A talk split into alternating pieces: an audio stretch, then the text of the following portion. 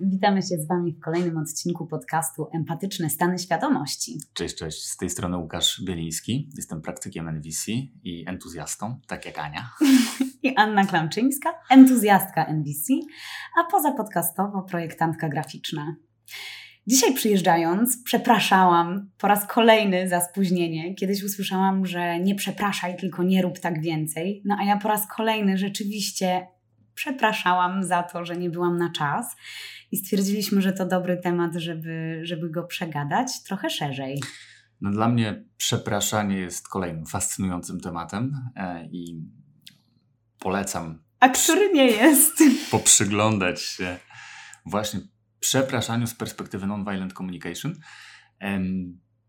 Bo ja bym śmiał postawić taką tezę, że ludzie e, nie potrafią przepraszać, albo wiele osób ma problem z przepraszaniem i dzisiaj może trochę to przepraszanie odczarujemy, tym bardziej, że to jest jedno z tych trzech magicznych słów proszę, dziękuję, przepraszam, więc idealnie możemy e, właśnie poruszyć, e, dlaczego to magiczne słowo e, trochę może jest wypaczone przez naszą kulturę i społeczeństwo. No właśnie, bo ja przeprosiłam, rzeczywiście przeprosiłam za to, że nie byłam na czas, ale robiłam to któryś raz z rzędu i stwierdziłam, że okej, okay, przepraszam, ale nic z tego nie wynika, więc, więc w zasadzie po co to mhm. robię? No właśnie, my mamy taki mocno utrwalony nawyk przepraszania, myślę, że z tych czasów już dzieciństwa, kiedy coś zrobimy, coś, co na przykład komuś się nie spodoba, naszemu rodzicowi, czy być może innym osobom bliskim nam, i słyszymy w e, rezultacie to, że nasz rodzic mówi do nas, co się teraz mówi. Z takim założeniem, że powinniśmy e, powiedzieć przepraszam, bo zrobiliśmy coś złego. Czyli jest założenie, po pierwsze, że zrobiliśmy coś złego i to jest już mocno subiektywne, bo czasami jest tak, że na przykład dziecko mhm. rozleje herbatę na przykład na kanapę, tak? No i rodzic może już się zdenerwować, że rozlaliśmy mleko czy tam tą e, herbatę na kanapę, no i każe nam przeprosić. Ale kiedy na przykład rodzic rozleje to mleko, czy wino, czy herbatę na to kanapę. czerwone wino. No właśnie. No to już nikogo nie przeprasza. Nie? No, zdarza się. Często podchodzimy do tego. Albo wyobraźmy sobie, że na przykład nasz znajomy coś takiego by zrobił. Rozlał to wino czy herbatę. No już nie mamy oczekiwania od naszego znajomego, który jest u nas na imprezie, że teraz padnie na kolana i zacznie nas, nas przepraszać. Oczywiście. Ale mimo wszystko ten znajomy to robi. Tak. Tak, tak. Naj, najczęściej. Tak, no tak. No Przynajmniej ma, z, z, mojej bańki znajomych. Tak, czyli ma, e, ma e, pewnie taki nawyk. Oczywiście my wtedy możemy reagować, dobrze, nic się nie stało, przestań, zdarza się. I nawet rzeczywiście no, możemy spojrzeć na to tak racjonalnie, no, że zdarza się, no nie jesteśmy nie wiem, nad ludźmi, żeby zawsze wszystko tak kontrolować, żeby nigdy nie popełnić jakiegoś błędu. No tyle tylko, że biorąc pod uwagę sytuację taką, że dzieci no, nie mają tyle lat doświadczenia w, w, życiu, e, no to też mogą nie mieć wyrobionych różnego rodzaju nawyków i po prostu takie rzeczy się najzwyczajniej w świecie będą zdarzać. No ale rodzice właśnie z tej dbałości o hmm. um, budowanie nawyków tak. powtarzają, no to proszę teraz przeproś. Tak, tak. Żeby dziecko było dobrze wychowane. Tak, więc intencja jest piękna, tak, czyli e, te przeprosiny e, są swego rodzaju, jak dla mnie uważam, wyrazem e, brania pod uwagę drugiego człowieka. Że jeżeli ja coś zrobiłem, e, co wpłynęło na przykład na zubożenie życia drugiego człowieka, na to, że poczuł się źle, bo coś się wydarzyło, no to chcemy pokazać za pomocą tych przeprosin, że to jest jednak mimo wszystko dla nas ważne. Tylko niestety ten nawyk e, takiego oczekiwania od dziecka przeprosin często ma dużo E,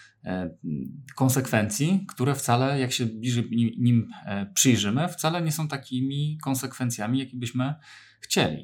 I właśnie tutaj bym rozwinął ten temat, no bo jeżeli na przykład oczekujemy od kogoś, od tego dziecka, żeby przepraszało, no to możemy wytworzyć pewnego rodzaju tutaj, znaczy kilka, kilka nawyków. Jeden nawyk jest taki, e, i warto sobie tutaj uświadomić, no, że, że dziecko małe nie ma możliwości wzięcia odpowiedzialności często za swoje czyny. Czyli jeżeli na przykład ktoś gra w piłkę, e, dziecko gra w piłkę, uderzy nie wiem, tą piłką w telewizor, telewizor spadnie, rozbije się, zniszczy, no to w tej sytuacji nie jest w stanie na przykład tego telewizora odkupić, czy naprawić, czy na przykład przeprowadzić cały proces, załóżmy, że nie wiem, mamy ubezpieczony taki telewizor, żeby wiesz, zgłosić się do firmy ubezpieczeniowej, wypełnić formularz i, i, i później zorganizować kuriera, odesłać telewizor, przyjąć pod naprawę i tak dalej. No ale, bo dziecko, dziecko nie może tego tak. przejąć, tak. natomiast to jest odpowiedzialność rodzica i nie ma problemu, jeżeli to jest tego rodzica, znaczy tej rodziny telewizor, mhm a co jeżeli to się dzieje u na przykład znajomych w domu? Mhm. No i tutaj jeszcze tak, wracając, zanim przejdziemy do znajomych, e, z powrotem jeszcze do, do rodzica, no też pytanie, kto jest odpowiedzialny tak, za tę sytuację. No bo skoro dziecko nie może wziąć odpowiedzialności, nie ma takich zdolności finansowych, nie ma takich zasobów, no więc nawet prawnie jest tak, e, tak prawo jest zaprojektowane, że jeżeli na przykład dziecko coś zniszczy, no to po prostu rodzic bierze odpowiedzialność, że to jest jakby naturalna konsekwencja, że to rodzic bierze odpowiedzialność za e, poczynania e, dzieci, z tego względu, że po pierwsze dziecko może nie mieć takiej wyobraźni e, rozbudowanej. Mogło nie zostać nauczone takiej wyobraźni, wiesz, zasad przyczyn i skutku, nie? Że, że piłka akurat się odbije w taki sposób, że może zniszczyć telewizor. Bo dziecko jest w teraz, bawi się, po prostu doświadcza czystej zabawy i nie jest e, często w stanie w ogóle sobie wyobrazić takich konsekwencji. Tym bardziej, że, że jeżeli takie konsekwencje nigdy się nie wydarzyły, nigdy takich konsekwencji nie widziało to dziecko, no to wiesz, ciężko mu będzie sobie coś takiego wyobrazić. Więc w zasadzie to rodzic jest odpowiedzialny za to, że ten telewizor się zepsuł. I to też nie oznacza, że wiesz, że e, z tym, e, z tym dzieckiem, że jeżeli dziecko coś takiego zrobi, no to w takim razie luz, spoko, nic się nie stało, jest ok, nie? Bardziej chodzi o to, żeby pokazywać, uczyć konsekwencji, jakie są konsekwencje z tym związane. Czyli po prostu teraz, jak to się zepsuło, no nie będziemy na przykład mieć tego telewizora przez jakiś czas. Trzeba przeprowadzić taki proces e, który wiąże się z naprawianiem, może to kosztować tyle i tyle pieniędzy i to się będzie wiązało z takimi takimi konsekwencjami. Czy na przykład, że nie na coś sobie nie pozwolimy, na przykład w danym miesiącu, jeżeli będziemy chcieli mieć ten telewizor. Nie? Tylko bardziej tu chodzi o taką postawę, postawę uczenia, pokazywania, jak, jakie, jak działa świat, jakie są konsekwencje naszych czynów, a nie na przykład budowanie takiej relacji, e, że ja teraz cię wiesz, ja teraz cię ukażę. Oczywiście tam ja rozumiem, że jest intencja tego, żeby więcej dziecko czegoś takiego nie zrobiło, tylko można dojść do tego też w inny sposób, właśnie przez edukację, a nie poprzez kary. Paradoksalnie możemy doprowadzić do tego, że wcale to dziecko się w cudzysłowie nie nauczy, bo jeżeli będzie doświadczać wielkiego stresu i się na przykład bać, że teraz znowu coś zrobi, coś zniszczy i znowu dostanie wielką karę, no bo na przykład rodzic jak się wydrze na tego wiesz, dzieciaka, to dla niego to może być no, traumatyzujące, tak, że, że wiesz, no, jakiś wielki organizm tutaj, tak, ja często daję tą metaforę, wyobraźmy sobie, że no, powiedzmy proporcja dziecka do rodzica to jest mniej więcej tak jak rodzica do gryzli, wiesz, niedźwiedzia, który waży tam, nie wiem, z 300 kilo, nie? A, a pewnie, wiesz, no, dziecko waży 10, to 80 to jest jeszcze większa proporcja, nie? Więc, więc właśnie, więc wyobraź sobie, że taki grizzly jest wściekły i na przykład na, na ciebie warczy, tak, czy tam nie wiem, co, co robią niedźwiedzie, nie? To, no to się przestraszysz, nie? No to, możesz nawet przestraszyć się na śmierć, nie? Więc tutaj jest podobnie, że, że wiesz, dla dziecka może być to bardzo, e, bardzo dotkliwe, szczególnie jak jest małe dziecko.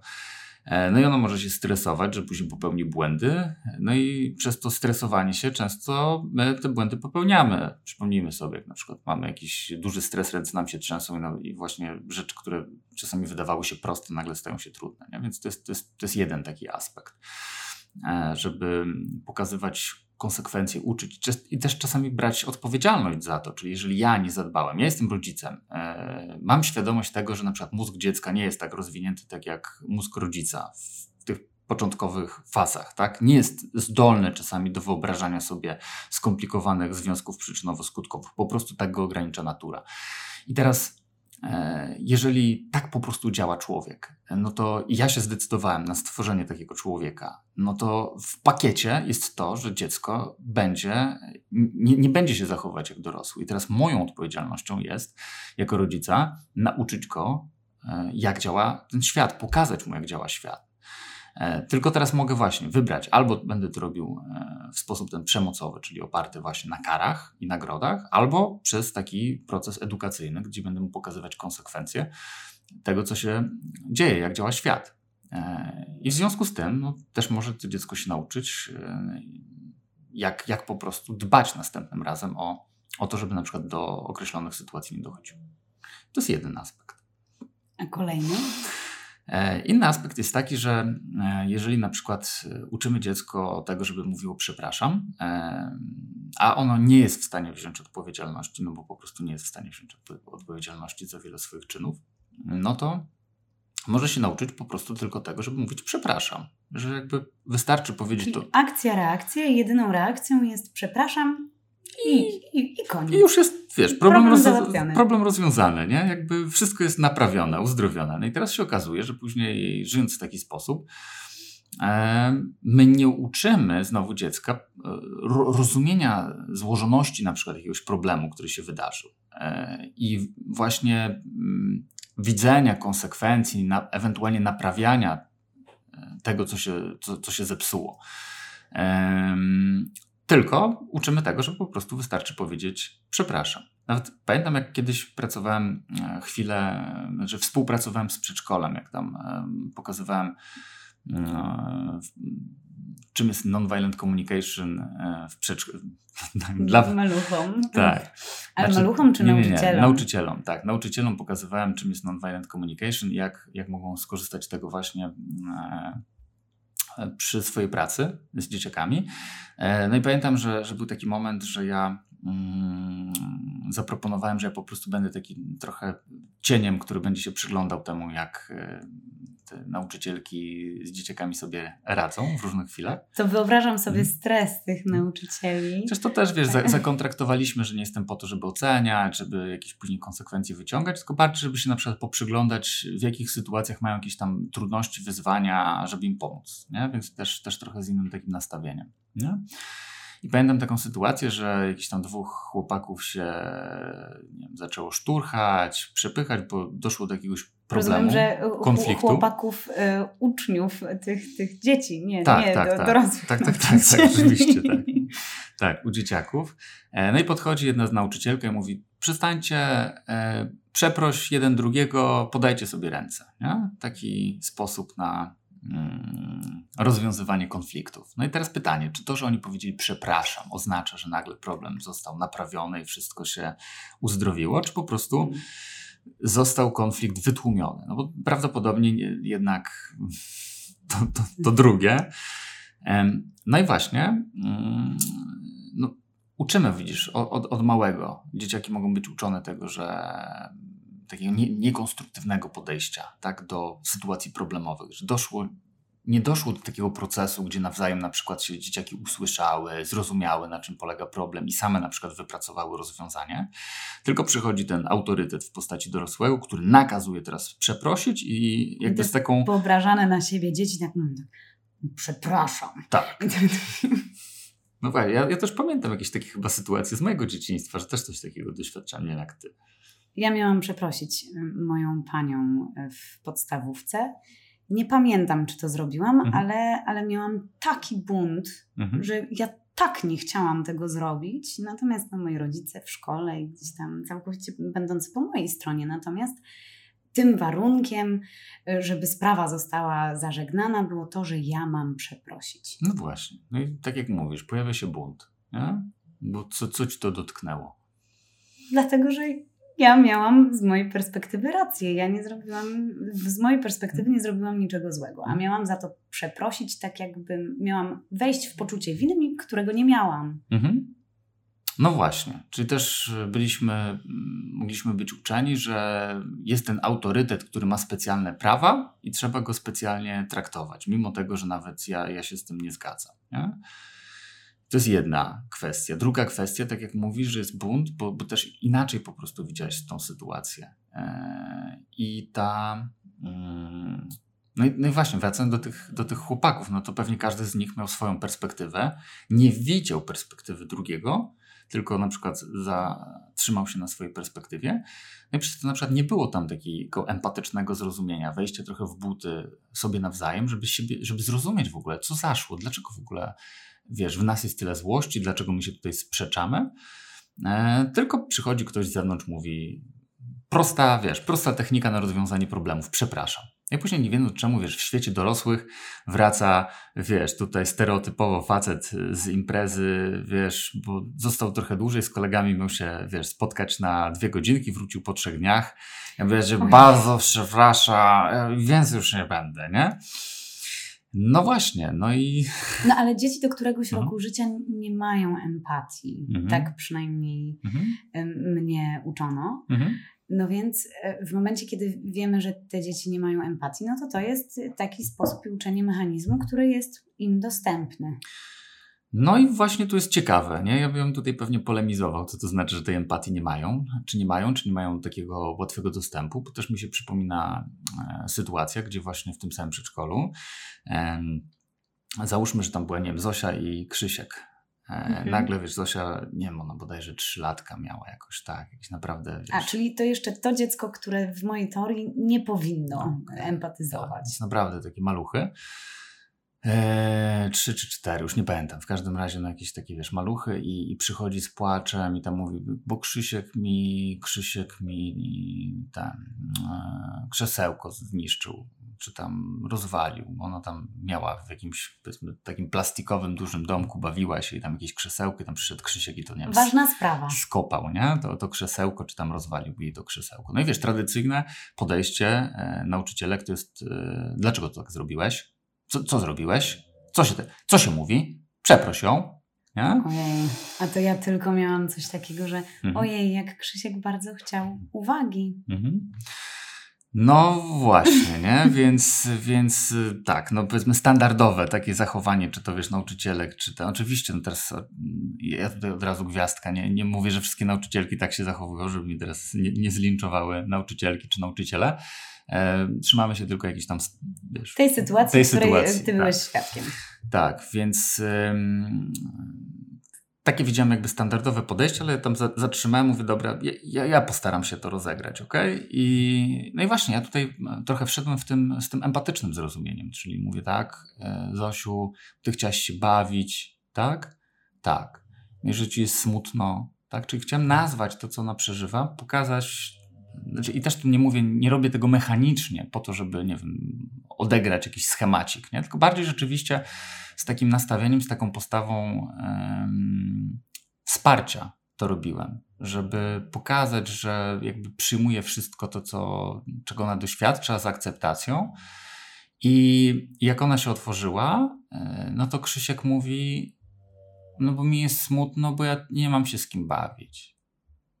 Nie? I to było takie dla mnie poruszające, czyli że. Dla mnie teraz też. Tak, że Krzysiek chciał pokazać, wybrał taką strategię, że zobacz, ja ze mną nie ma, znaczy nikt się ze mną nie bawi. W związku z tym ja pokażę, jak to jest nieprzyjemnie, więc tobie zepsuję zabawę, żebyś mnie, powiedzmy, zrozumiała, e, zro, zrozumiał i żeby ktoś mi pomógł. Nie? Takie sobie przynajmniej ja robię założenie, że taki mógł być jakiś mechanizm, który stał za tym zachowaniem. Nie? Czyli Krzysiek chciał po prostu powiedzieć w taki sposób, niszcząc tą zabawę, że on sam nie ma się z kim bawić, nie? I że chciał po prostu jakiegoś wsparcia. I to jest ciekawe, bo jak Zosia to usłyszała, no to jej się od razu zmieniło podejście i mówi, to może się pobaw z Przemkiem, nie? A na przykład jak Krzysiek mówi z Przemkiem, to ja nie chcę się bawić, nie?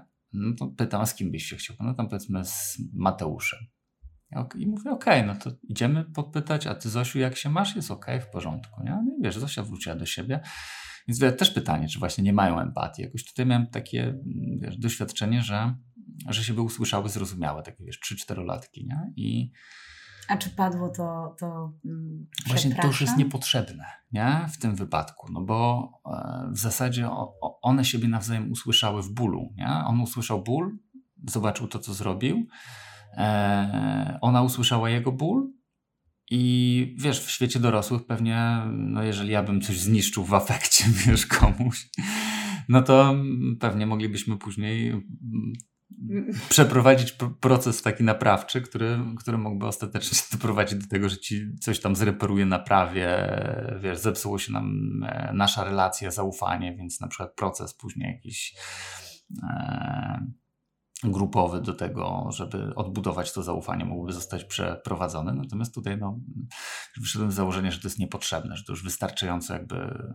zrozumiały siebie nawzajem te dzieciaki. No i wiesz, tam później poszliśmy z tym Krzyśkiem do Mateusza. Mateusz akurat powiedział, nie, no ja się nie chcę z Krzyśkiem bawić. Mówię, okej, okay, Krzysiek, nie to z kim jeszcze byś się chciał pobawić. No, też bez presji, no bo też czasami się podchodzi, wiesz, później, a Mateusz, masz się tam bawić z tym tym, tym. No jak ktoś nie chce, no później tak, tak zrobi, że pójdzie w pięty temu, wiesz, temu krzy... Nigdy więcej się nie będzie chciał pobawić. No właśnie. Więc... Więc możemy właśnie wracając do, do naszego tematu, wytworzyć też taki nawyk, że, że na przykład ktoś już w świecie dorosłych mówi, no przepraszam, nie? czyli wraca z tej imprezy, mówi przepraszam, sorry, głupio mi i kropka. I nie ma tam brania odpowiedzialności za to, co, co się zrobiło. Nie? Tylko wystarczy magiczne przepraszam. A druga strona, prawdopodobnie nagle się czuła, jakbym na przykład coś zrobił, wiesz, po raz któryś z rzędu, że sorry Ania, przepraszam, nie chciałem. Bardzo mi przykro, bardzo mi głupio, więcej nie będę. No ale wiesz, to, to, to ja mam spóźniając się. Mhm. Przepraszam, bo naprawdę jest mi głupio, chociaż mhm. już staram się nie przepraszać, mhm. tylko być wdzięczną mhm. za cierpliwość. Mhm. No ale nadal nie... Mm, to nie jest tak, że ja obiecuję, że już nigdy więcej się nie spóźnię, bo być może tak się właśnie zdarzy. Mhm. To jest jeszcze to jeden jest aspekt, czyli na przykład świadomość rzeczy zależnych i niezależnych, czyli no nie, nie, nie możemy tak zaprojektować rzeczywistości, że do końca życia nigdy się już nie spóźnimy, bo jest tyle czynników zewnętrznych, wiesz, samochód się zepsuje, ktoś cię obetrze, nie wiem, budzik ci nie zadzwoni, bo akurat była robiona w nocy aktualizacja, wiesz, ap aplikacji automatycznej i akurat jest jakiś błąd, który no i na, jest na to nieszczęście rzeczy. mnie się wszystkie przydarzą. Jeżeli się przydarzają, no to okej, okay, to, to co można ewentualnie zrobić, to zastanowić się, co ja mogę zrobić na przyszłość, żeby żeby w, no, nie dochodziło do takich sytuacji, albo jak, jak, jak mogę zmniejszyć prawdopodobieństwo, bo tu chodzi o, o prawdopodobieństwo. Co mogę zrobić, żeby zmniejszyć prawdopodobieństwo tego typu sytuacji w przyszłości? I wziąć jakieś dodatkowe, nie wiem, mam dwa budziki sobie ustawiam, nie? I w różnych aplikacjach załóżmy, nie? Czy w różnych telefonach. Ja mam już nawet budzik stacjonarny, Albo nawet. ale ostatnio odkryłam, że się rozładowały w nim baterie. Okay. Więc... Tak, więc no, wiesz, możemy, to oczywiście tutaj trzeba byłoby czasami pobadać, a dlaczego ja ciągle na przykład się spyczę, jest coś głębiej gdzieś, wiesz, to jest jakaś powiedzmy strategia na budowanie wolności, że jak ja się, wiesz, spóźniam, to jest jednak taki wyraz tego, że to ja jestem wolnym człowiekiem i nie będę się dostosować do jakiegoś rodzaju schematów. Ale to jest pewnie, wiesz, na jakiś tam proces terapeutyczny, żeby się poprzyglądać. Natomiast właśnie, no, jeżeli ja widzę, że mimo wdrażania różnego rodzaju czy tam prób e, zmiany czegoś, coś nie działa, e, no to mogę szukać dalej, być może w tym obszarze, nie? czyli na przykład pójdę na psychoterapię i zobaczę, dlaczego, dlaczego na przykład, się dlaczego się spóźniam, nie? Może tam być jakiś pod spodem jakiś bardzo mocno głęboki schemat, który, który tak się manifestuje e, w postaci tego spóźniania, nie? Mm, Natomiast wracając właśnie do, do tego jeszcze przepraszania, jak, dałem ten, ten przykład z tym wracaniem z imprezy -hmm. po raz mhm. któryś. Może być tak, że, że taka osoba e, poprzez przepraszanie chce po prostu zadbać o swój spokój, że wiesz, ja cię przeproszę, jeśli się odczepisz. Nie? Bo ty jesteś w złości, we frustracji, ja mówię, no przepraszam, dobra, sorry, już weź wyluzuj. Nie? Czyli jest to jakiś mechanizm, który służy do uciekania przed na przykład konfrontacją z problemem. E, twoją konfrontacją z tak, Twoim moją, problemem. Tak. Natomiast y, jak gdzieś tam się wewnętrznie buntuje, no ileż hmm. razy no można właśnie. przepraszać za to samo. Tak. A z drugiej strony też pewnie to jest moja nieumiejętność postawienia granicy, że okej, okay, przepraszasz po raz kolejny i co ja wtedy mogę zrobić, mhm. żeby zaakcentować to, że to nie jest dla mnie okej. Okay. Mhm. No tutaj jest pewnie duży temat rozmowy o zaufaniu, że wiesz, powiedzmy, przeprosiłaś mnie, tam raz zrobiłeś, przeprosiłeś, powiedziałeś, że nie będziesz, znowu doszło do takiej sytuacji, ja już straciłem zaufanie do, do Twoich przeprosin i obietnic. Ale że... tym razem to już będzie naprawdę. Mhm. Wiesz co, wolałabym, e, żebyś mi powiedział, co zamierzasz zmienić, żeby to był ostatni raz. O, Czyli, czyli, czyli można zadać takie pytanie, które, które nie skończy się jakąś taką wymówką, w którą mhm. i tak już nie wierzymy. Mhm. No bo właśnie e, tutaj, jeżeli ktoś sobie z czymś nie radzi, no to wiesz, zapewnianie, że już więcej tego nie zrobimy, no może być niewystarczające, no bo no, ktoś może nie mieć tej woli, albo inaczej, może mieć jakiegoś rodzaju no właśnie problem, ale nie wprowadza żadnej zmiany. Więc jeżeli nie wprowadzi zmiany, no to ten problem znowu się e, pojawi. Dlatego ja wolę rozmawiać na przykład o rozwiązaniach w tym wypadku i szukaniu jakichś rozwiązań, jakiejś zmiany, a nie właśnie w przyjmowaniu tego, no dobrze, obiecujesz, no to może tym razem e, się rzeczywiście coś zmieni. No ale właśnie, no, pytanie, czy druga strona w ogóle zaczęła się zastanawiać nad tym, jak co ona może zrobić, żeby to zmienić. Nie? Więc ja na przykład w, w dialogu mogę poprowadzić tą rozmowę w tym kierunku, żeby to, to bardziej zaspokoi moją potrzebę, czy nawet odbuduje zaufanie do tego, żeby na przykład coś się nie powtarzało albo powtarzało się rzadziej, właśnie poprzez rozmowę nie o tych zapewnieniach czy przeprosinach, tak, tylko o tym, co się tam ma zmienić. Nie? No właśnie, więc to jest jedna z opcji. Ale wiesz, niektórzy, niektórzy na przykład mogą mówić, przepraszam, żeby mieć ten święty spokój. E... A można jeszcze inaczej mówić, przepraszam? No może być właśnie, przepraszam, to nie, jako ucieczka przed braniem odpowiedzialności, czyli wiesz, potrącę cię niechcąco, spadnie ci telefon na ziemię, rozbije się wyświetlacz, ja mówię, Ania, Jezus Maria, ale mi głupio, cię bardzo przepraszam, no nie chciałem tego zrobić, Jezu, jak mi źle, jak mi, no, po prostu, no, nie to wiem, nie jest co się źle, wydarzyło. to mój telefon się rozpadł. Ja wiem i, i, i, i, przez to mi jest jeszcze gorzej, że jak ja sobie wyobrażam... Znaczy, ja podejrzewam, że nigdy bym tego na głos nie powiedziała. Tak. I ktoś może, wiesz, albo świadomie, albo nawet nieświadomie zastosować taką strategię do tego, żeby, no, ale przecież cię przeprosiłem, co ty więcej chcesz? Dlaczego ty jeszcze jesteś zdenerwowana? No bo na przykład... No chyba poniesienia konsekwencji, nie to, że kary, tak. tylko... Tak, tylko od, wzięcie odpowiedzialności, nie? że skoro ja ci coś zepsułem, no to jestem za to odpowiedzialny. No i jak to mogę powiedzieć, mhm. żeby, żeby właśnie nie być tą taką niemiłą, mhm. po prostu niemiłą. Ja bym się tutaj w ogóle przyjrzał, e, w ogóle czemu my się boimy być niemili. Bo nie chodzi tu o to, wiesz, żeby być miłym, tylko być prawdziwym, a jednocześnie nie mm, z dbałością też o granice drugiego człowieka, tak? Czyli to nie chodzi o to, że teraz ja będę niemiły i teraz, wiesz, powiem drugiej stronie to, co myślę. Wiesz co, tak naprawdę to jesteś egoistą, zniszczyłeś mi telefon, nawet nie zaproponowałeś naprawy, jesteś, wiesz, źle wychowany i tak dalej. E, tylko nie chodzi o to, żeby być ani niemiłym, ani miłym. Po prostu chcę się podzielić szczerze, co się we mnie dzieje. Czyli, że na przykład mogę doceniać to, że, że wiesz, że mm, przejęłaś się i że, że zauważyłaś, że na przykład to może być ważne dla mnie. I że świetnie, i za to jestem wdzięczny, tylko jestem ciekawy, jak rozwiążemy jeszcze kwestię odpowiedzialności, no bo na przykład ja nie chcę ponosić kosztów za naprawę tego, tego telefonu. Czy dla Ciebie będzie w porządku, żebyś na przykład Ty zapłaciła za ten telefon, za naprawę? No. no. Okay. No i wiem, że to może być na przykład dla ciebie, wiesz, trudne, nie wiem, nie masz kasy, ale wiesz, możemy załóżmy negocjować, można to rozłożyć na raty, można to rozłożyć w czasie, można czasami, wiesz, inne rzeczy porobić. Bardzo trudno mi sobie wyobrazić taką, taką mhm. sytuację, ale mhm. pewnie dlatego, że y, takich przeprosin i takiego też przyjęcia y, przeprosin mhm. pewnie nie doświadczałam. Mhm. I pewnie może być po drugiej stronie dużo lęku, jak druga strona zareaguje, czy ona się zdenerwuje. No może się zdenerwuje, może to odbierze w pierwszej, w pierwszy, wiesz, w pierwszej chwili jako jakieś takie mm, zażenowanie, że się, wiesz, doświadczy takiego zawstydzenia, że w, w ogóle jakby konfrontujemy tą osobę z, z tymi e, konsekwencjami.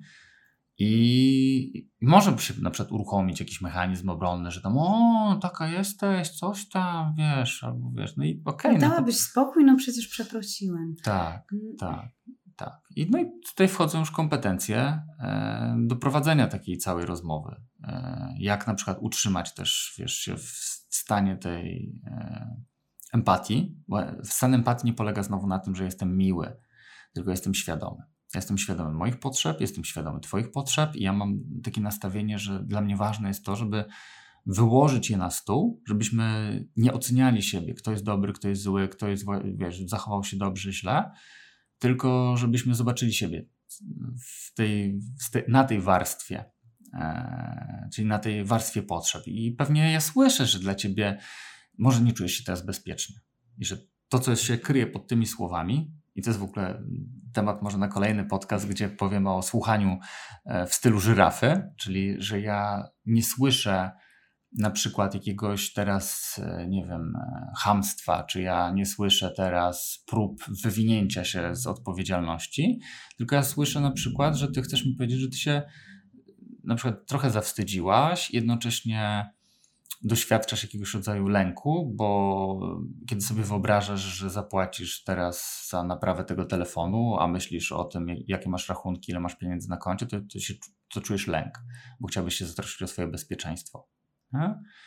I że o tym mi mówisz, o tym, że na przykład nie czujesz się bezpiecznie. I wiesz, moim celem nie jest teraz sama, wiesz, gdzieś twoje bezpieczeństwo, nie? No bo mm, no mogę cię tam na siłę, dobra, mam gdzieś twoje bezpieczeństwo, masz płacić kasy i gówno mnie to interesuje, nie?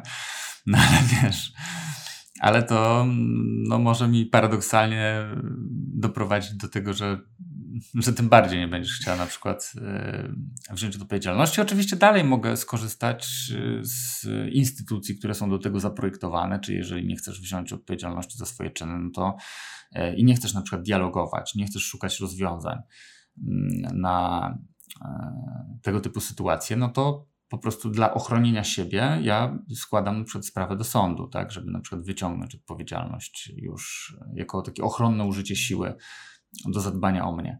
Bo to jest wa ważna kwestia. W tym NVC no, nie, nie próbujemy stworzyć jakiejś nie wiem, utopii, czy, czy, czy, wiesz, czy świata wyidealizowanego z takim nastawieniem, że wszyscy ludzie będą zawsze się z nami komunikować empatycznie i wiesz, zawsze i wszędzie będziemy dochodzić do e, wiesz, rozwiązań, które będą dla dwóch stron perfekcyjne. I miłe i przyjemne i miłe, sympatyczne przy, przyjemne, jeszcze. tak, i tak dalej. Nie, no, czasami może być tak, że, że masz ta, jest taka ściana, w ogóle nie ma przestrzeni na dialog, no to ja w tym wypadku po prostu mogę zadbać wtedy tylko o siebie, tak? Czyli jakby ja, ja mam postawę, że ja chcę zadbać o ciebie, chcę na przykład porozmawiać o tym bezpieczeństwie, chcę poszukać rozwiązań, które pozwolą nam e, też zaopiekować się twoimi potrzebami tylko może w inny sposób niż niepłacenie mi, nie? Tylko jak to zrobić, żeby zadbać o twoje bezpieczeństwo, a jednocześnie, żebym ja...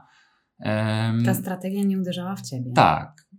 I być może, wiesz, może się dogadamy w ogóle jeszcze inny sposób i wiesz, ty mi w, bar- znaczy w ramach odszkodowania zrobisz jakieś inne rzeczy. Nie wiem, twój facet jest tym mechanikiem samochodowym i zrobicie mi jakiś przegląd na przykład, bo dla was jest to wygodniejsze, a jednocześnie ja zaoszczędzone pieniądze z tego przyglądu mogę przeznaczyć na naprawę telefonu. Wiesz, rozwiązane jest milion.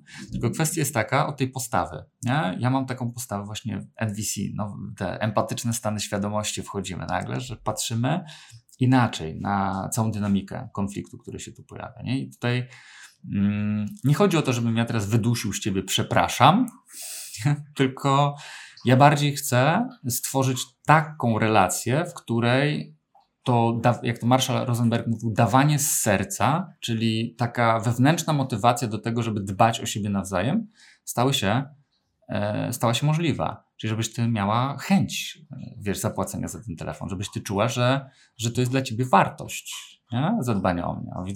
Nie wiem, czy to słychać, ale oczywiście towarzyszy nam w Pies tych nagraniach. albo chrapie, albo pije, albo coś tam zajada. Tak, więc mamy tutaj gapę naszego mopsa, który tutaj czasami... Pierwszego słuchacza. Pierwszy Pierwszą słuchacz, słuchaczkę. Pierwszą słuchaczkę i jednocześnie tak, wsparcie e, w, w nagrywaniu. No, więc... Więc, więc taki jest cel, nie? czyli taki jest cel, żeby stworzyć e, taką jakość, rela- taką jakość relacji, w której my będzie się uruchamiać ta wewnętrzna motywacja do dbania o siebie nawzajem. Nie? Więc widzisz, w takim w tym e, świecie szakala, świecie dominacji, czyli takim tradycyjnym sposobie, w jaki, w jaki jesteśmy wychowywani, no tam jest tworzenie tej relacji, wiesz, masz przeprosić, czyli jestem teraz nad tobą, tu jesteś pode mną, masz wejść w uległość, przeprosić i tak jeszcze, długo. Jeszcze się zawstydzić. Zawstydzić, żeby ci poszło w piętę, żebyś się nauczyła, ja jestem tym takim, wiesz, um, i ode mnie zależy, kiedy ja ci wybaczę. I czy ci wybaczę. I mogę, wiesz, może być to dojna krowa, piękna, Nie? nie wiem, facet zdradzi kobietę, kobieta zdradzi faceta, cokolwiek, facet zdradzi faceta, kobietę, kobietę, jakiekolwiek związki, wyobraźmy sobie. I jest później granie. I później jest, ale przepraszam, wiesz, no poniosło mnie, nie wiem, popiłem, straciłem kontrolę nad sobą. Czyli też takie, wiesz, usprawiedliwienie się, nie? E, to też jest taki mechanizm, że jeżeli... Element przeprosi. Tak, czyli jak ja się usprawiedliwię, to znaczy, że ty jakby zaakceptujesz to, co zrobiłem, nie? Ja jakby się wybielę. No to też tak nie działa. Nie? Ty możesz mnie zrozumieć, ale jednocześnie nie jest to równoznaczne na przykład z tym, że jakby problem jest rozwiązany. Tylko mm, no może teraz trzeba będzie właśnie pracować nad odbudowaniem e, zaufania, nad innymi rzeczami, które wyszły wiesz, po drodze, nad zrozumieniem, jak, jak do tego doszło. No ale załóżmy, no to ktoś mówi, dobra, wybaczam ci, czyli teraz mamy tą osobę, która jest rozgrzeszającą, tak? I jest pokutnik, który ponosi karę. Ponosi karę no i właśnie, teraz nagle się może okazać, że, że wiesz, że ktoś wykorzystuje te przeprosiny jako taką dojną krowę, że wiesz, a pamiętasz jak trzy lata temu, co zrobiłeś? I nadal masz przepraszać i, się I teraz, wstydzić i jeszcze i teraz, I ty w ogóle, i ty masz czelność mówić, że ty z kumplami chcesz na piwo wyjść? Czy tam z koleżankami chcesz tam? Albo ty masz czelność mówić, że ja coś robię źle. No, albo właśnie. Bo ty Mhm. Trzy lata temu. 10 lat temu, 30 tak. lat temu, tak. Zrobiłeś, zrobiłaś to i to. No właśnie. Więc nie chodzi o to.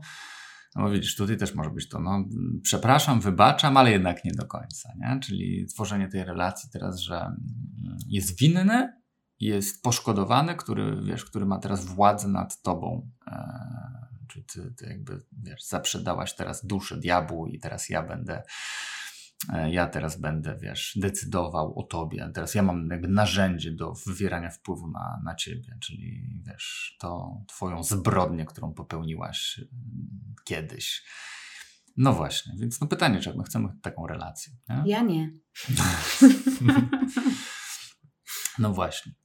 Więc w tym procesie NVC e, też, też ciekawa rzecz, która mi się przypomina, Marshall Rosenberg chyba w jakimś nagraniu czy w książce pisał o tym, jak pracował e, też w więzieniach z osobami, które, które dokonały różnego rodzaju czynów. Ale on pracował tam jako mediator, czy jako też trener? Jako mediator, też jako trener NVC, też na przykład pokazywał ludziom, że mogą zmienić trochę podejście do, do siebie, do życia, jakoś ogarnąć się ze swoim gniewem, bardziej mieć wpływ na to, co, e, co się dzieje, żeby nie tracić tej kontroli nad sobą.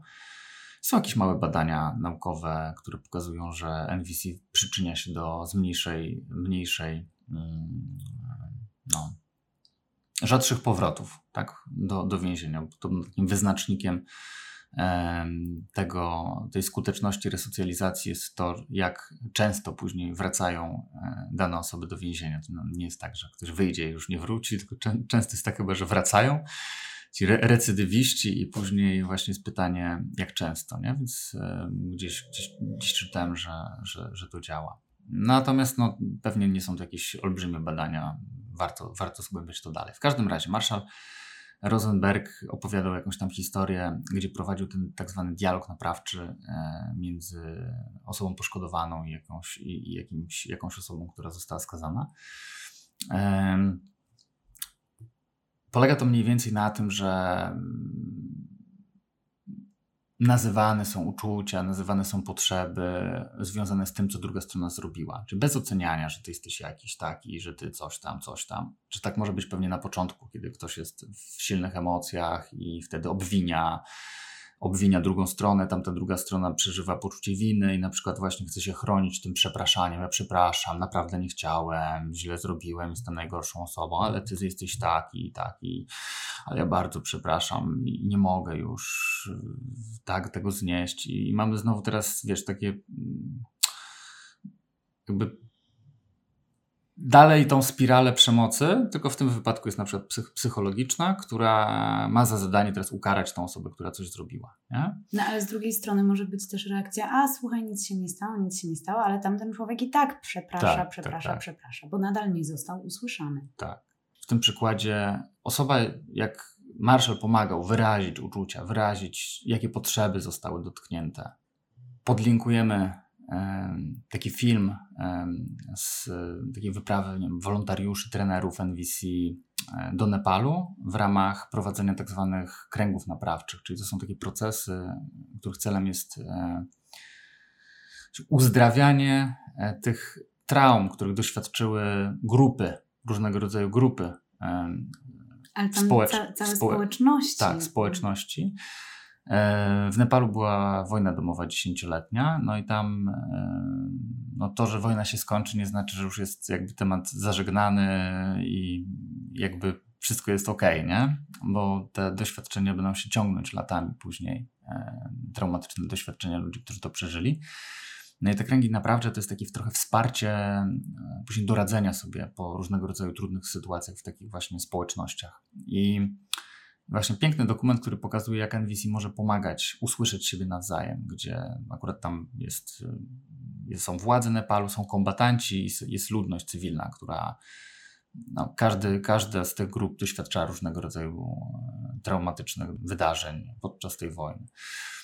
I to, że ktoś e, właśnie zacznie wyrażać ten ból, ale w taki konstruktywny sposób, tak można byłoby to nazwać, czyli mówiąc o swoich uczuciach, mówiąc o potrzebach, bez tego obwiniania drugiej strony, otwiera to taką, znowu, żeby to nie, wiem, nie zabrzmiało jakoś ezoterycznie, dziwnie, taki proces uzdrawiania, proces terapeutyczny, w którym ja zaczynam widzieć człowieka w drugim człowieku. Czyli na przykład ten, wracając jeszcze do Marszala, do, do tego mm, już prze, do przez, więziennej tak, sytuacji. więziennej sytuacji, jak e, ta, ta osoba poszkodowana dzieliła się tym, co przeżyła, co czuła, jakie potrzeby zostały dotknięte, no to ten e, e, sprawca w pierwszym momencie wszedł właśnie w poczucie winy i mówił, że no ja bardzo przepraszam, ja, ja nie chciałem, no słyszę twój ból, tak? I jest mi tak źle. I to, co było ciekawe, Marszal mówi, że przeprosiny są za proste. Że takie, wiesz, powiedzenie przepraszam to jest zbyt prosta rzecz. Nie? Bo to jest takie trochę odcinanie się od tego bólu, który się teraz przeżywa, kiedy się słyszy ból drugiego człowieka. Nie? Więc Marszal mówi, powiedz mi nie przepraszam, tylko co ty czujesz, kiedy to słyszysz? Co czujesz? I nie chodzi tutaj teraz o takie sadystyczne, a wiesz, że teraz właśnie czujesz ten ból, no to teraz niech cię to boli. Nie, właśnie chodzi o to, żeby dać tą świadomość tego, co, co się przeżywa, żeby się skontaktować z tymi wartościami, które są ważne, tak? Że jak ja jestem tym, nie wiem, przestępcą, tak, sprawcą, żebym usłyszał, cholera, Jezu, jak ja czuję dużo bólu, kiedy jestem świadomy tego, że moje czyny zubożyły e, życie drugiego człowieka. Czyli to nie chodzi o współodczuwanie, mhm. tylko raczej o refleksję nad swoimi strategiami, które, mhm. które właśnie zubażają cudze życie. Tak? Nawet dotarcie do własnej potrzeby, że ja chcę, żeby ludziom chcę było dobrze. Chcę, żeby wzbogacać życie drugiego a człowieka. A tutaj na przykład przez to, że odpłynąłem w swoje problemy, jakby straciłem dostęp do tego. Wiesz, wyłączyła mi się empatia, wiesz, nie wiem, okradłem kogoś, czy zrobiłem coś, nie wiem, kogoś pobiłem, czy kogoś zabiłem, tak? Bo popłynąłem w jakieś swoje trudności i zapomniałem o tym, że to też jest dla mnie ważne. Nie?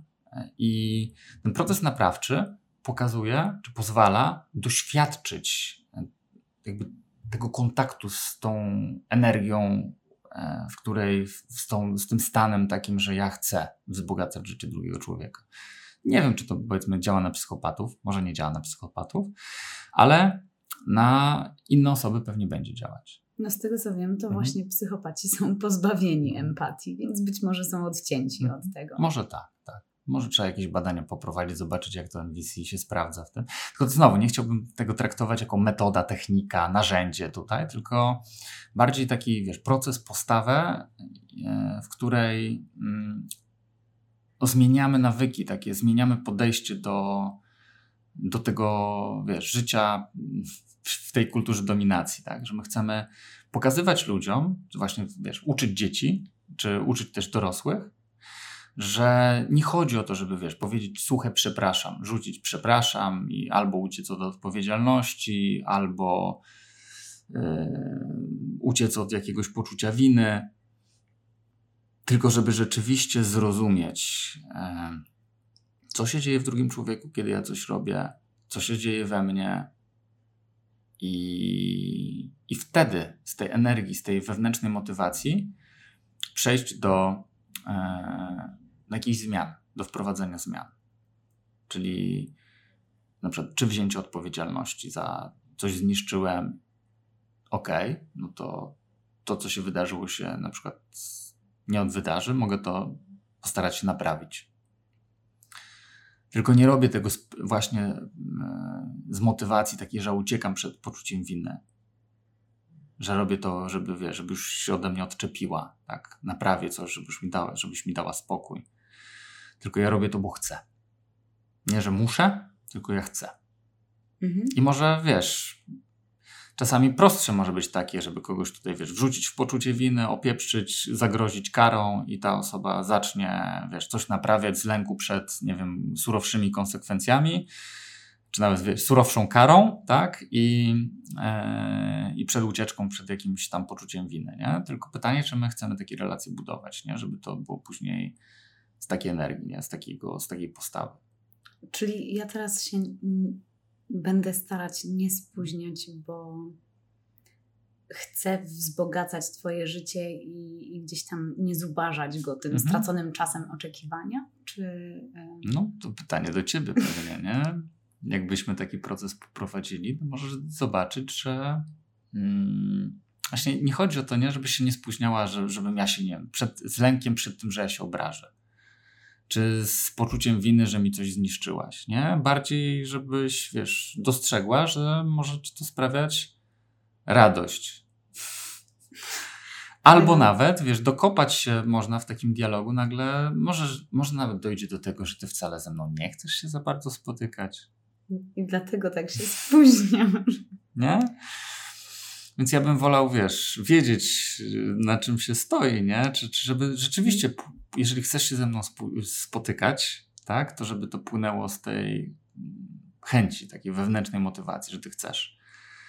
E, jak nie chcesz, to być może przyjrzeć się, co stoi na przeszkodzie. Może ja się jakoś zachowuję, wiesz, w sposób, który ci nie pasuje. Możemy o tym porozmawiać, może uda się coś zmienić, żebyś czerpała radość. A być może nie widzisz żadnej, wiesz, żadnej jakiejś tam wartości, albo nie dają ci tego typu spotkania żadnej wartości. Fajnie, no to okej, okay, no to ja nie chcę, żeby ktoś, wiesz, się zmuszał i robił coś wbrew sobie. Um, Ale to znaczy, że też ty jesteś w razie czego gotowy na rezygnację. Tak. A dokończysz jeszcze historię z Nepalu? Bo ja jestem hmm. ciekawa, jak, jak to wpłynęło na, hmm. na tamtą grupę społeczną. Hmm. Wiesz, nie wiem, jakie są, jaka jest historia dalsza, tak? Co tam się dalej wydarzyło. Ja mogę podesłać linka do, do tego nagrania. Każdy, jak będzie miał ochotę obejrzeć ten film e, dokumentalny, zobaczyć, jak to. Jak wyglądał jak proces, wygląda. a jeżeli chce zobaczyć skutki, to no. zapraszamy no. do Nepalu. Pewnie tak. I też, też pewnie, wiesz, no to są jakieś małe grupy, nie? Tam mamy całe społeczeństwo. Być może, wiesz, uzdrowienie całego społeczeństwa, gdybyśmy chcieli, wiesz, przeprowadzić e, taki proces na wszystkich. Ja marzę o tym. To może zająć lata, nie? E, a w międzyczasie może dojść do jakichś innych konfliktów, bo się na przykład, wiesz, jednak nie będzie tej wystarczającej masy krytycznej osób, które jednak nie będą chciały w taki sposób rozwiązywać swoje problemy, jak, jak poprzez przemoc fizyczną. Natomiast no, jest to przynajmniej dla mnie coś inspirującego, że, wiesz, że, że, że pewne rzeczy są możliwe, nie? że ludzie mogą się dogadywać, mogą e, zacząć inaczej e, rozwiązywać problemy, konflikty, że nie, wiesz, nie, nie wystarczy tylko powiedzieć, dobra, sorry, nie chciałem, przepraszam, już więcej nie będę. Nie? Często w ogóle nie o to chodzi. Chodzi o to, żeby sprawdzić, dlaczego ja w ogóle odcinam się od tego, wiesz, wzbogacenia życia drugiego człowieka. A jeżeli coś zrobię, też, też wiesz, w NVC e, jest ten proces przeprosin. E, oczywiście on jest taki ubrany w, ten, w tą formułkę taką, ten schemat. Też będę tutaj podkreślał, że wszelkie formułki, które znajdujemy w NVC nie, nie są do tego, żeby, ich, żeby je używać dokładnie w takiej formie Jeden formułkowej. Tak, to jest bardziej narzędzie do wyćwiczenia tego sposobu myślenia, a później po prostu zaczynamy to używać, jakby zostawiamy, wiesz, to jest jak skrypt telefoniczny dla sprzedawcy, że wiesz, uczy się go na pamięć i brzmi sztucznie. Pewnie każdy doświadczył sytuacji, gdzie jakiś tam handlowiec dzwonił do niego i miał wrażenie, tak jakby ten handlowiec czytał z kartki. Nie? No to nie brzmi to. No teraz już wiesz, sztuczne inteligencje to czytają, więc ciężko jest odróżnić, kto jest wyuczonym, kto tak. jest wyuczonym sprzedawcą, a kto tak. już jest sztuczną inteligencją. Tak. Może sztuczna inteligencja nawet bardziej, e, wiesz, naturalnie brzmi niż ten sprzedawca, który dopiero czyta z kartki. W każdym razie y, składa się to właśnie z takich czterech kroków, czyli mamy obserwację, czyli kiedy widzę na przykład to, co zrobiłem, to czuję to, co czuję, czyli przeżywam to i to, bo takie i takie moje potrzeby nie zostały zaspokojone. Nie? Czyli, że na przykład kiedy widzę, że wiesz, przychodzę te 15 minut po czasie po raz piąty i słyszę, jak, e, jak co, co się dzieje, wiesz, u ciebie, że to i tam później ci się roz, rozwala dzień, że jesteś w napięciu, że jesteś we frustracji, że, że tracisz zaufanie, wiesz, do, do, do mnie. Mhm. E, to czuję na przykład jakiś smutek i żal, bo ważne jest dla mnie to, żeby mieć taką jakąś re relację, w której te potrzeby obu stron będą brane pod uwagę. I żałuję, że to zrobiłem, bo naprawdę ważne jest dla mnie to, żeby żeby dać jakiś wyraz, że Twoje potrzeby są dla mnie ważne i że naprawdę chcesz się o nie zatroszczyć. I przepraszam.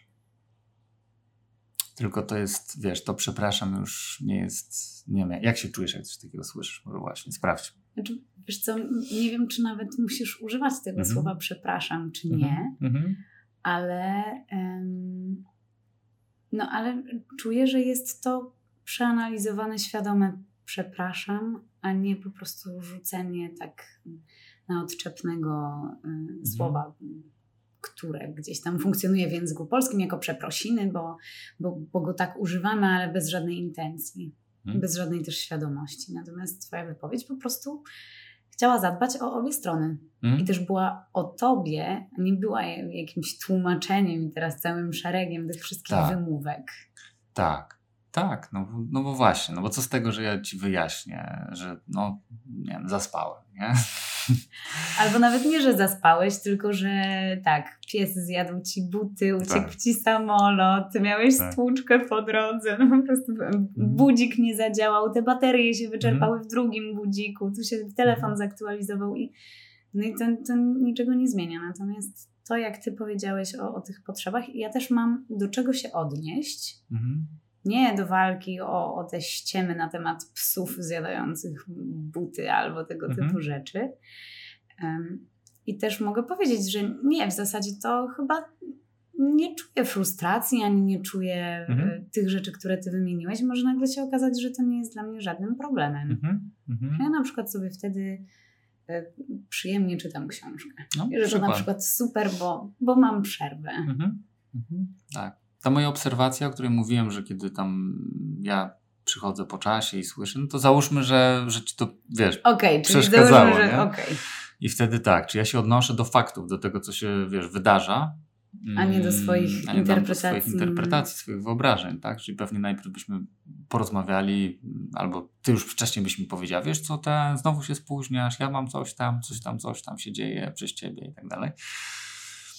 Więc ja właśnie, zamiast uciekać, zamiast yy, nie wiem, tłumaczyć się, ja się kontaktuję ze sobą, z tym, co jest we mnie wrażliwe, że rzeczywiście słyszę, czuję, do, dokopuję się do tego, co jest dla mnie ważne, że ja naprawdę chcę mieć takie relacje.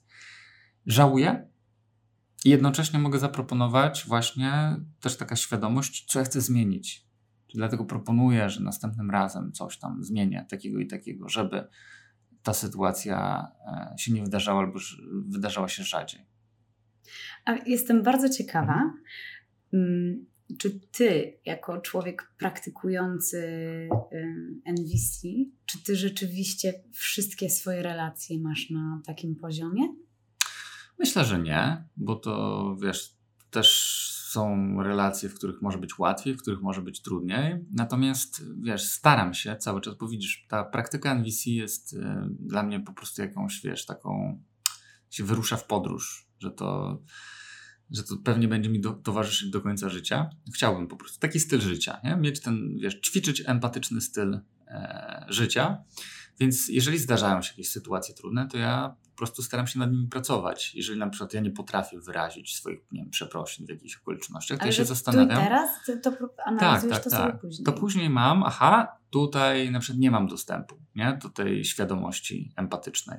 E, czemu? Nie? E, I wtedy właśnie pracuję nad, nad, nad tym, co mnie blokuje, nie? jakie moje potrzeby stoją za tym, żeby nie powiedzieć albo nie wejść w ten stan, nie? co tam się w głowie dzieje, jakie, jakie mam przekonania na dany temat, co mi się uruchamia. I staram się po prostu na bieżąco przepracowywać różne sytuacje, bo po prostu chciałbym, żeby jednak w, w, w jak największej ilości kontekstów mojego życia ta, ten, ta świadomość e, tej empatii, tego zrozumienia, tej wrażliwości, bycia w kontakcie ze swoimi potrzebami, bycia w kontakcie z potrzebami drugiego człowieka, e, świadomej komunikacji istniała. Bo widzę, że, że to po prostu buduje no, inną jakość życia. To ja, ja sobie tego bardzo życzę i chyba Mhm. też wszystkim bym tego życzyła, tego doświadczenia głębi Tak. relacji. Że, to, że relacje nie muszą być na tak płytkim, powierzchownym poziomie, a ostatnio też rozmawiałam ze znajomymi, że a, że ktoś tam ma rekord taki związkowy, no to pół roku. Mhm. E, ktoś inny tam mówi, że no dwa lata to jest taki czas graniczny. No bo zwyczajnie ci ludzie dłużej nie są w stanie ze sobą Mhm. wytrzymać. No tak, w dzisiejszych e, czasach pewnie też łatwości e, zmian, też, też jeszcze łatwiej wychodzić z relacji. Też bym nie powiedział, pewnie bo to jest kolejne przekonanie, że trzeba budować relacje, wiesz, na całe życie z jedną osobą. To też myślę, że to jest, to jest dosyć e, indywidualne, płynne i też pewnie mamy dużo założeń związanych z, z relacjami, z wyobrażeniem tego, jak powinny wyglądać.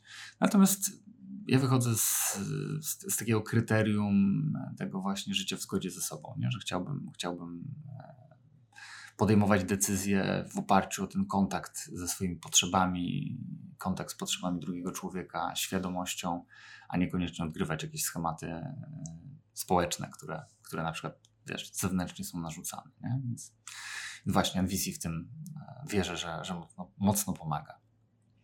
Ale też i daje kompetencje, mm, daje możliwość nauczenia Mhm. się tego trochę wtórnie, no bo Mhm. tak podstawowo ja nie umiem chyba przepraszać, nie Mhm. zostałam w ten sposób nauczona przepraszania, bardziej tego, że mm, mam przeprosić tę nauczycielkę w szkole, jak moja mama jest Mhm. wzywana do dyrektorki. Mhm.